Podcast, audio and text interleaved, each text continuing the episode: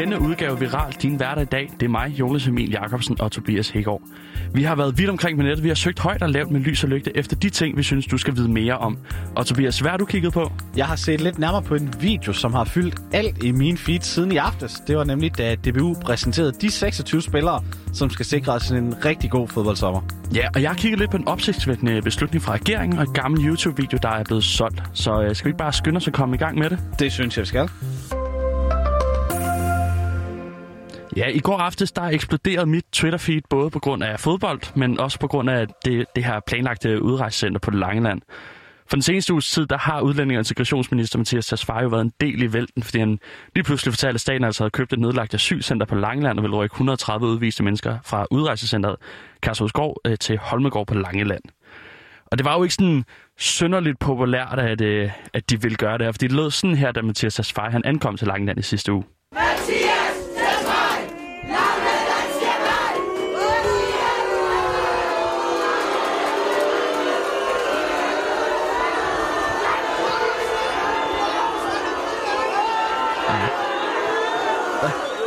Det er ikke lyden af en populær minister, det der. Nej, den, den er voldsom, den Ja, udtalelse. det er den.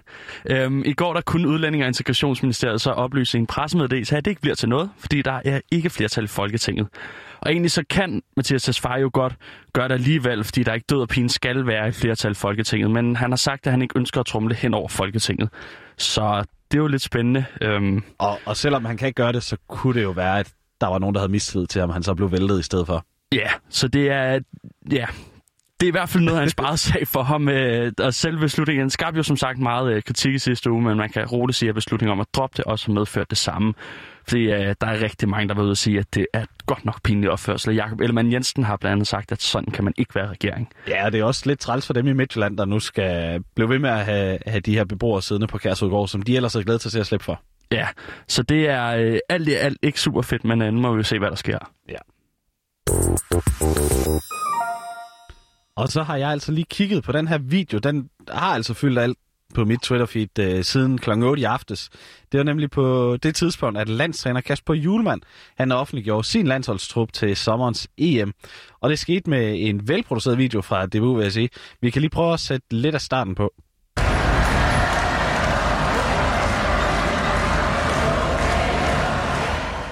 Ja, det er måske ikke øh, det mest spændende video at, at høre på radio. Der er ikke øh, den mest spændende lyd.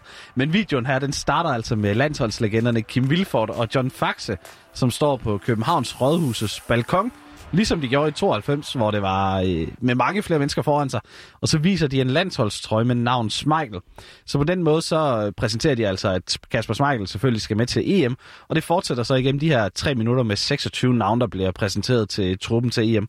Hvad tænker du om videoen, Jonas? Jeg ved, du også har, har set den. Jeg synes, den var virkelig, virkelig en fed måde at offentliggøre det på. Øhm, også bare sådan, at de, øh, hvad kan man sige, den respekt, der på en måde bliver givet til, øh, til landsholdet. Jeg, jeg kunne virkelig godt lide den. Ja, og det var nemlig alt fra små fodbolddrenge til helt almindelige mennesker, til fans, der kørte mod, mod Sjælland for at se fodbold og så videre. Så det var, var rigtig fedt. Og udover en masse spillere, der blev præsenteret, så var der også et par kendte ansigter, der dukkede op. Melvin Kankusa, han var med for at sige tillykke til Martin Brathwaite og tro på drømmen. Og Karoline Wozniacki, hun kunne fortælle, at Pierre Emil Højbjerg var med i truppen. Og så var Rasmus Sebak også med. Han, han, man ser ham sidde i en frisørstol med en Delaney-trøje på ryggen. Og tror du, vi skal lægge noget i det, Jonas, at det lige var Sebak, der var med? Der er jo ikke lavet nogen EM-sang endnu. Det havde jeg slet ikke overvejet, at det kunne være det. Men det kunne da egentlig godt være. Han Ja. er jo en, hvad man sige, folkehelt. Ja, men lige nøjagtigt. Jeg så, der var en, der havde skrevet det på Twitter, og jeg tænkte, det var da egentlig, øh, det var da egentlig en god tanke. Man kunne håbe. Ja, det kan kun blive en banger. Og der var også flere tidligere landsholdsspillere med. Jeg bliver lige nødt til at nævne Per Vind, som godt nok kun fik to kampe på landshold. Men han kunne altså ønske god opbakning til søn Jonas Vind, som skal med som angriber. Og så slutter videoen også med en stor hyldest til landstræneren fra 92, nemlig Richard Møller Nielsen, og det synes jeg lige, vi skal prøve at høre her. man kan sætte sig nogle mål, ikke? Lad så folk grine af det, ikke? Øh, men man kan se, det kan lykkes. Hvem havde troet, vi kunne blive overbemester? Ingen. Men vores egne visioner, der bringe det frem. Ja, Ricardo er jo desværre død, så det var sønnen Tommy Møller Nielsen, man så stå foran en statue af Ricardo i den her video. Og så imens vi hører øh, Richard Møller Nielsens stemme, og da så Tommy han vender sig rundt, så står der julemand på ryggen. Så på den måde er faklen jo ligesom givet videre fra en EM-vinder til, til den kommende EM-landstræner. Og så synes jeg lige, vi skal høre, hvad Julemand sagde, da han præsenterede, eller få Julemand til at præsentere hele trummen. Tre keeper, Kasper Smeichel i øh, Frederik Grønov og Jonas Løssel. Forsvarsspillere, der har vi Daniel Vass, Joachim Male, Jens Stryger, Nikolaj, øh, Nikolaj Bøjlesen, Simon Kjær, Andreas Christensen, Jannik Vestergaard, Joachim A. og Mathias Sanka. Midtbanen, Pierre Emil, Thomas Delaney, Mathias Jensen, Christian Eriksen, Christian Nørgaard og Anders Christiansen. Og til sidst vores offensive spillere med Yusuf, med Brathwaite, med Jonas Vind, med Kasper Dolberg, Andreas Skov Mikkel Damsgaard, Robert Skov og Andreas Cornelius. Alt i alt en, en stærk trup, og vi glæder os helt vildt. Ja, en stærk trup, og vi glæder os, siger Julemand. Gør du også det, Jonas?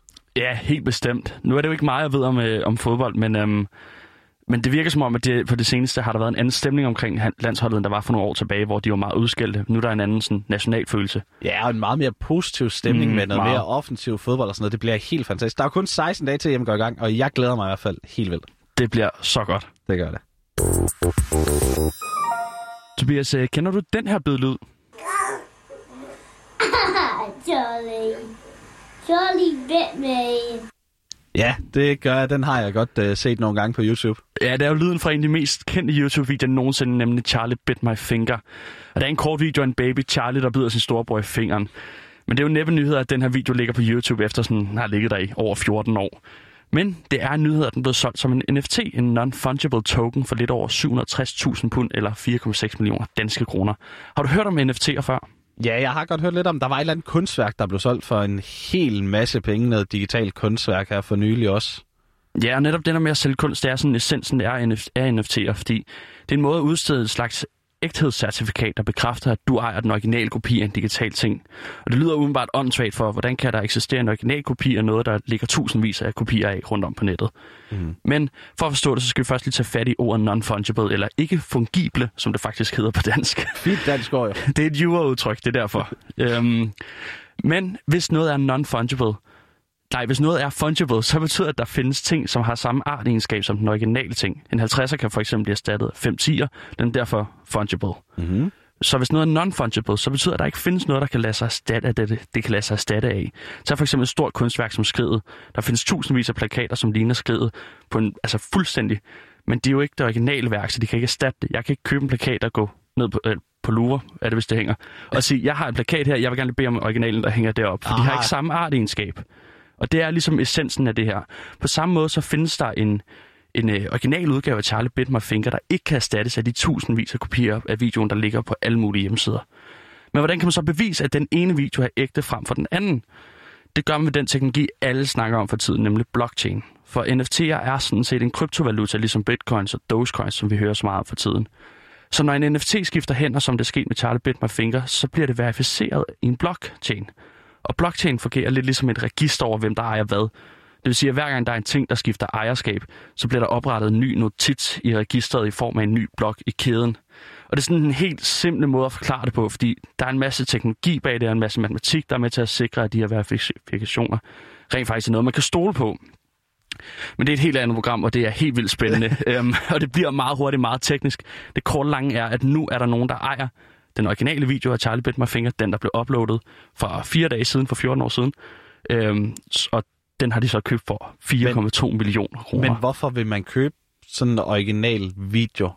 Jeg ved ikke lige, hvorfor man vil købe Charlie Bit My Finger. øhm, slet ikke for så mange penge, det kan jeg ikke se. Men, men man kan sige, det, det som der er NFT'ers eksistensberettigelse, det er jo, at du kan øhm, eje en original ting på nettet. Det vil sige, man har formået at gøre ressourcer eller ting på nettet begrænset, som jo indtil videre ikke har været muligt, fordi du bare kunne trykke Ctrl-C, Ctrl-V i bund og grund. Men det kan du ikke bare længere, fordi der er det her, hvad kan man sige, bevis på, at det her er originalen, og den ejer jeg. Der er ikke andre, der ejer den. Ja, det er vildt. Men så igen, Ja. det er også rimelig fedt at have så stort et viralt hit. Og Ja, det. det er det. På en eller anden måde er det. Og det er lidt specielt, det de har gjort ved at købe øh, Charlie My Finger, fordi jeg har valgt, at det er faktisk slet originalen fra YouTube.